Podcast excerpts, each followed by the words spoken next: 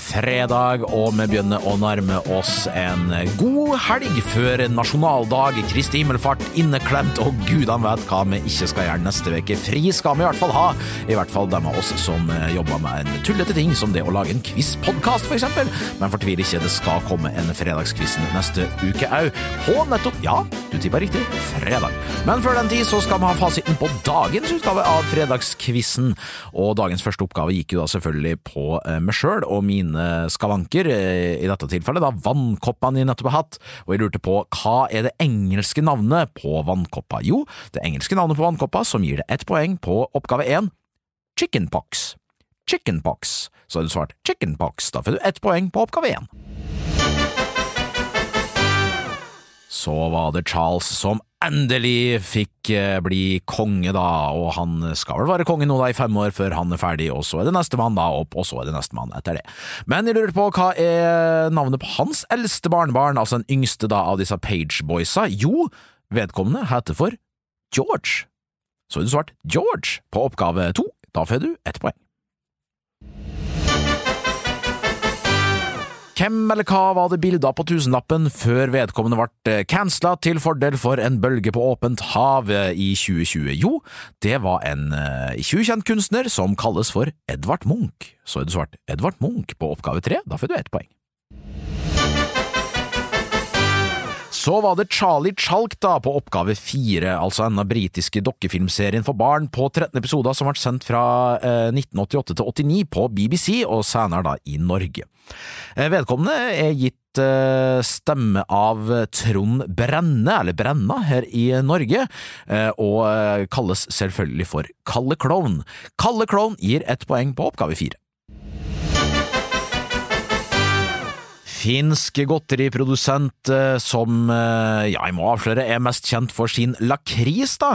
Det er vel faktisk eh, trønderske Nidar som står for eh, distribusjonen av det produktet her til lands. Men det riktige svaret på oppgave fem, jo, det er selvfølgelig panda. Har du svart panda på oppgave fem, da får du ett poeng. Vidar André, da, som er et klingende godt navn på oppgave seks. Vidar André Grødseth Mohaugen, under hvilket navn er han bedre kjent? Jo, det er jo en musiker, øh, forsøksvis i hvert fall. Og nei, det var stygt, han er en, sikkert en musiker. Han kalles i hvert fall for Vidar Villa. Så du svart Vidar Villa på oppgave seks, da får du ett poeng. Årstallet jeg skulle fram til da på oppgave sju, her får du to poeng for riktig årstall, og så får du ett poeng da hvis du har bomma med ett år. Eh, jeg sa at Tarjei Bø, altså skiskytteren, han ble født han samme år som eh, Vampyr, altså Munch, tusenlapp-Munch sitt eh, frastjålne maleri ble levert tilbake, og eh, paragraf 110 a om at samenes språk, kultur og samfunnsliv skal beskyttes av staten tredde i kraft. Alt dette skjedde på slutten av 80-tallet, nærmere bestemt 1980 så har du svart 1988, da får du to poeng. Har du svart 89 eller 87, da får du ett poeng.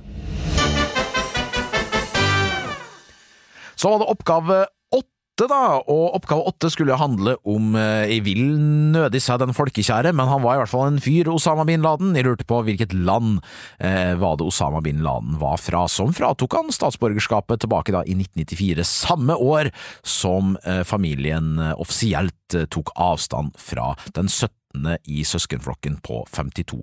Ja, det var året til bin Laden, det, men det riktige svaret på oppgave åtte, det er Saudi-Arabia. Saudi-Arabia.